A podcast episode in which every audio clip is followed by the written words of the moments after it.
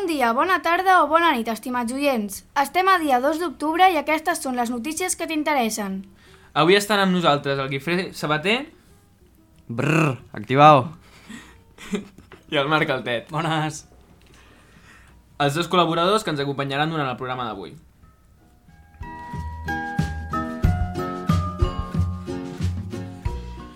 Bé, Elia, què tenim preparat pel programa d'avui?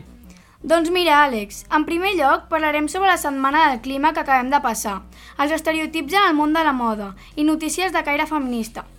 Obrirem un debat sobre el criteri de vestimenta en certs col·legis. Esmentarem una interessant notícia sobre la legalització de la marihuana. I per últim, parlarem de l'augment de l'extrema dreta. Perfecte, doncs, comencem! La Setmana del Clima va finalitzar el passat divendres 27 amb una gran manifestació a la ciutat de Barcelona, que segons les dades de la Guàrdia Urbana ha arribat a unes 200.000 persones convocades per l'associació Fridays for Future. El portaveu ha declarat que estan més orgullosos de la manifestació que de la reunió amb l'alcaldessa Ana Ada Colau.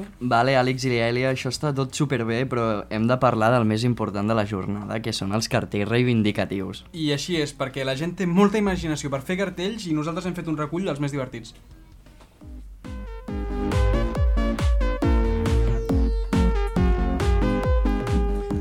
Comencem forts amb un que diu El perreo más caliente i el planeta más frío. Tenim un altre que hi posa Salvar la Terra, és l'únic planeta on hi ha cervesa. O també hem vist cartells més petits amb la consigna d'utilitzar menys paper. També hem vist nens que volen reivindicar el que més els agrada, que és jugar a la Play, i han fet cartells de l'estil Vull viure més per poder seguir jugant a la Play. Merci, nois, és suficient. Que ara toca un tema que ens interessa.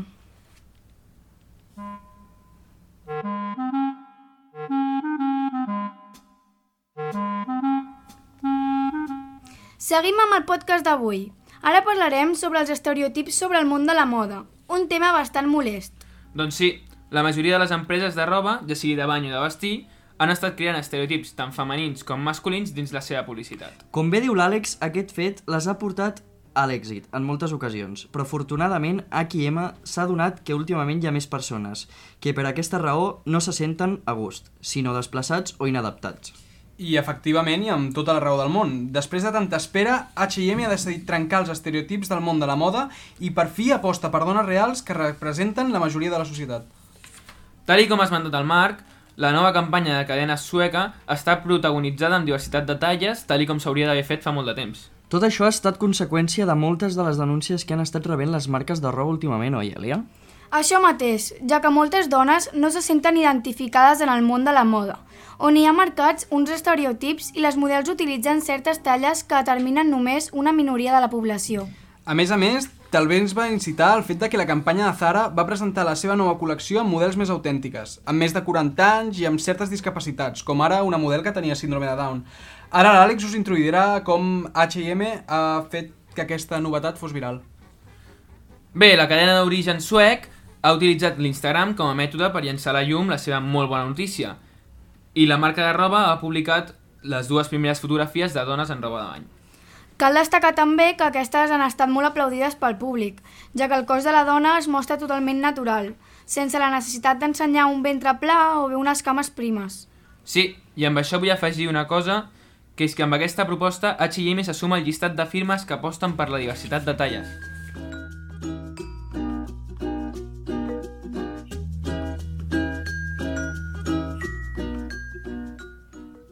Atents, cobrim la secció de notícies feministes. I la primera desigualtat de sexe que comentarem avui és la situació de les dones a les piscines comunitàries i públiques respecte al tema del topless.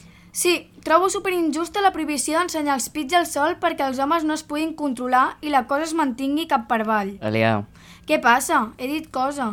Doncs ho has clavat, Èlia, perquè aquesta és la mateixa queixa que va portar a que es creés el compte de Twitter i Instagram de Mugrons Lliures. Aquesta plataforma va sorgir fa dos anys amb la intenció de denunciar la discriminació per raó de sexe que suposa la prohibició del topless. Doncs jo ja l'estic seguint, mira què et dic. jo també. I mira, ara mateix ho estic mirant i a Instagram tenen 211 seguidors. I crec que a Twitter són quasi 1.700. Sí, i amb tota aquesta ajuda han aconseguit accedir al síndic de greuges i reunions amb partits polítics. Moltes piscines han estat avisades de la injustícia i la gran majoria ho ha canviat. De totes maneres, espera un escrit del Parlament que condemni aquestes prohibicions.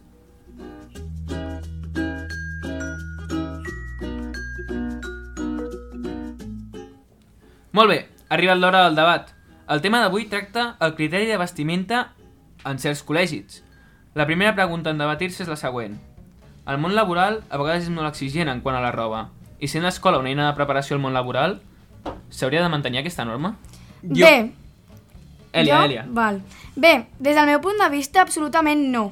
Crec que ningú ha de ser jutjat per la manera de vestir i no hauria d'haver cap norma per la vestimenta de cadascú. Marc? Mm, jo realment crec que el, la importància que té l'expressió d'un noi o una noia de l'ESO o el batxillerat és més important que qualsevol norma que pugui posar l'escola. A més a més, crec que és una competència de, de casa, completament. Al final és cadascú qui tria el que s'ha de posar, no t'ho poden imposar perquè si no t'estan canviant la manera de ser i no t'estan acceptant tal com ets. Vull dir, tots Clar, són el- diferents. El dilema seria què passa quan surts del col·legi i vas al món laboral. Jo crec que, a veure, el món laboral aquest de, del que parles també és un món laboral que ara mateix l'ocupen la generació més, a, no? més gran que nosaltres. Arribarà un moment on nosaltres haurem de formar aquest món laboral i nosaltres jo crec que ens tocarà també escollir quin món volem fer d'aquest. Però... O sigui que podés de començar d'un exemple. Però ja ens hauran amansat. I, I seguirem igual. Pot ser, pot ser, Guifré. I seguint aquesta línia, quines altres coses imposa el col·legi que hauria de ser cosa de casa? La religió. Venint d'un institut també religiós, jo puc dir que tota religió hauria de ser un tema de casa. Igual que en una escola no t'ensenyen si ets del Barça o del Madrid, jo crec que tampoc t'haurien d'ensenyar creences. Uh, bé, a més d'un d'aquesta taula ens han fet basar la Bíblia i els més afortunats podien basar els peus de la verge. em, era, era el racó de pregària. Racó de pregària, situem-nos, què és el racó de El pregària? racó de pregària és un lloc on, on habita, podríem dir, entre És, cometes. és una aula especial. Sí. És una aula especial. Està dissenyada per... Pregar. Per pregar. I per... Parlar amb allà- Déu. Bàsicament- Sí, per parlar amb Déu. Uh, en una escola on, on, on tens cures, no? un dia es presentava el, el cura de turno a, a, a la teva classe i deia, vinga va, anem a, anem a pregar, anem a, pregar, anem a parlar amb Déu i portaven tots, tots els nens, saps, allò, agafats en fila índia, contents, cap al racó de pregària, no?, fer aquesta hora especial, i a l'acabar, sí, sí, sí, ja se'ns recomanava, de fet, que féssim un petó a la Bíblia i... No, no, se'n recomanava, no. Se'ns imposava. Bueno, en aquella, en aquella etapa Sí, sí, mm, crec recordo- que cap teníem criteri per, Sí. això, per això semblava més una imposició La, bastant perversa. la veritat de l'autoritat, no.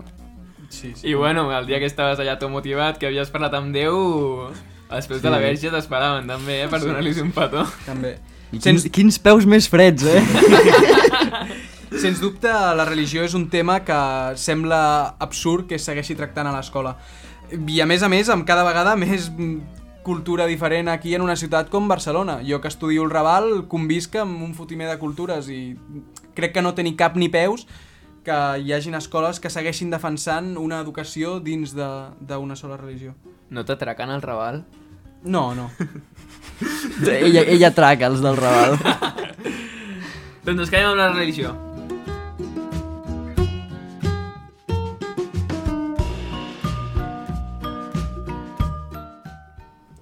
Bé, a continuació continuem amb l'informatiu i parlarem sobre la legalització de marihuana, un tema molt actiu últimament i sobretot en la generació dels joves. Bé, com ja sabem, hi ha molts països on el consum de la marihuana és legal, com per exemple Uruguai, Xile, Colòmbia, Costa Rica i Alemanya, entre d'altres. Sí, la veritat és que són bastant elevats els números de països on la marihuana és legal. L'altre dia em vaig assabentar que el seu consum està legalitzat en més de 10 estats d'Estats Units. Efectivament, per aquesta raó la ciutat de Nova York fa el primer pas per sumar-se a desenes d'estats on el consum de marihuana és legal. Com ja sabem, la marihuana, juntament amb la cocaïna, és una de les drogues més populars en tot el món. I últimament el seu consum està augmentant, cada vegada ascendeix més. Així doncs, com bé diu en Marc, el seu consum ha augmentat un 13,1% en els dos últims anys. Tornant al tema anterior, el governador demòcrata Andrew Cuomo va proposar aquesta legalització a l'hora de presentar els objectius de l'agenda legislativa, amb la que va arrencar el 19 de gener d'aquest any el seu tercer mandat. Doncs no m'esperava que la, la legalització d'aquesta droga aniria més. És que certament sembla un tema d'hipocresia. El tabac sí, l'alcohol també, i una droga que sembla inofensiva no, com la marihuana no. La veritat és que hi ha hagut fortes manifestacions per aquest fet, ja que molta gent hi està a favor i ho veu com un episodi d'hipocresia. Correcte, Marc. Al maig del 2018 n'hi va haver una de molt important de manifestació. Tot i que el cannabis medicinal ja està permès, només era per pacients que patien malalties com el càncer, el sida o altres dolències cròniques greus. També et dic que si et cura del sida no pot ser il·legal. sí, vull dir... En què estem pensant? Bueno, que també, bueno, quan em refereixo a, també a això abans que he dit de droga inofensiva, és clar, que quedi clar que totes les, cap droga és inofensiva, però que hi ha algunes que són més letals que les altres. a I la marihuana jo crec que entra al sac de les poc letals. De fet, busqueu bé algun cas de mort per sobredosi de marihuana, busqueu-lo a veure si el trobeu, que no n'hi ha ni no un. n'hi ha cap. Bé, aquí l'expert, Marc. eh, és que el- el- l'alcohol i el tabac són molt pitjors. De fet, l'alcohol jo la ficaria com una de les drogues més destructives i també unes de les que més s'usen, i sobretot entre els joves. No, els menors. no ho diguis a Puerta Titus, això. Té, té molt fàcil accés. Sí, certament crec que és un moment que també en un estat com aquí a Espanya ens replantegem les coses i fem un repàs a aquestes, a aquestes Mm. lleis. Tam- Hipocresia. També et dic que això de que la, la droga, la marihuana te la puguis fumar a casa, no m'acaba de semblar del tot malament. Perquè tu si hi ets algú madur que, que ja sap de, de certes coses, tu te la pots fumar a casa perquè saps què està passant. En canvi, un xaval que s'està fotent un porro al parque és un altre rotllo. Tu si tens la teva casa... Sí, però també és un tema com, com molt d'amagat, no? I no la pots portar en lloc, no Sí. la pots treure ni de casa, la- a casa del teu amic, perquè en teoria és això com que aquí a Espanya és això que és com, ué, tot molt d'amagatotis a, a casa i... I després veus el guàrdia civil allà. I bueno, com surti, com surti el teu alijo per la tele, com va passar amb la Volta Ciclista. Sí, que tenia 40 plantes o no sé què. Crec Però- que al final va, va acabar demostrant que era per consum propi. En plan, va demostrar que era, que era un yonqui no sé, acabat no sé. I, que, i que tot el dia està fumant porros i crec que es va salvar al final. No sé si és possible. Bé, doncs, parlant d'això, aquesta iniciativa es va anunciar després de que la ciutat de Nova York, l'1 de setembre de 2018, posés fi als arrestos de ciutadans que consumien marihuana en públic. Sí, i això suposa un canvi radical pel partit demòcrata, pel polític demòcrata, ja que s'havia oposat frontalment a la legalització d'aquesta, perquè veia el cannabis com una porta d'entrada al consum de drogues. I és cert això que diuen que cada cop ho veuen més com una fila d'ingressos?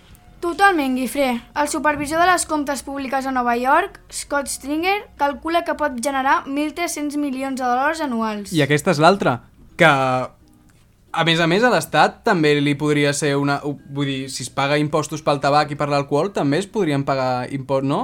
Un gran benefici. Realment jo, jo I crec segur que... que... més d'un polític també Sí, li bueno, interessaria. el primer, Bueno, eh? bueno, t'he t'he de dir que una cosa que, que aprens cada vegada que et vas fent més gran és que tothom es droga en aquest país. 17 anys, marca el temps. El Rivera comprant coca al súper amb, la- amb la farina.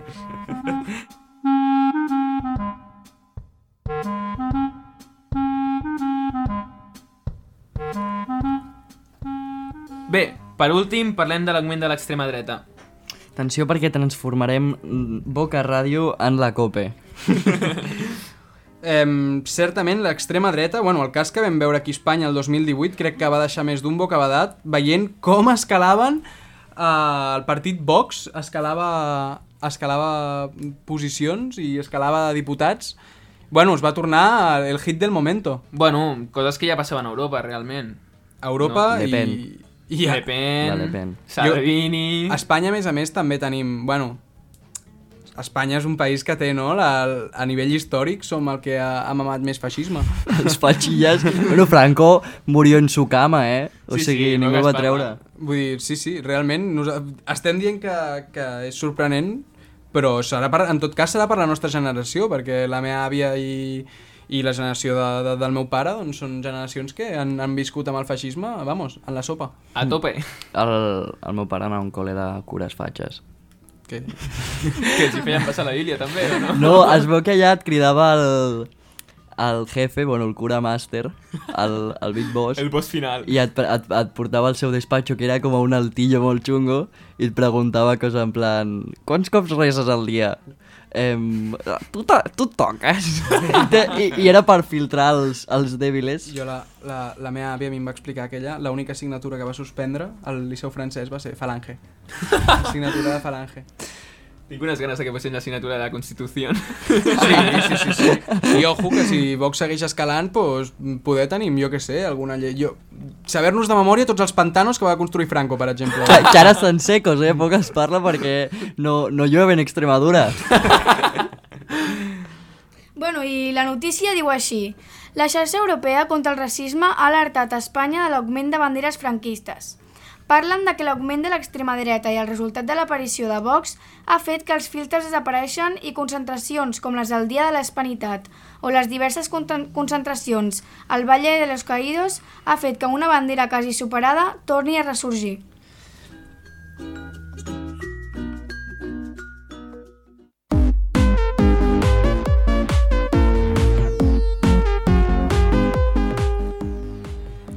Bé, i fins aquí el podcast que hem fet gràcies a Boca Ràdio, que ens ha deixat els seus estudis.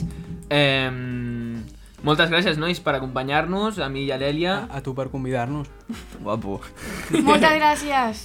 Bueno, quan siguem famosos i estiguem treballant a Catalunya Ràdio, ens en recordarem de Boca Ràdio i els nostres principis i vindrem un dia a fer una petanca commemorativa amb els jubilats del barri. Vinga. Fins aviat! Fins a Moltes pròxima. gràcies.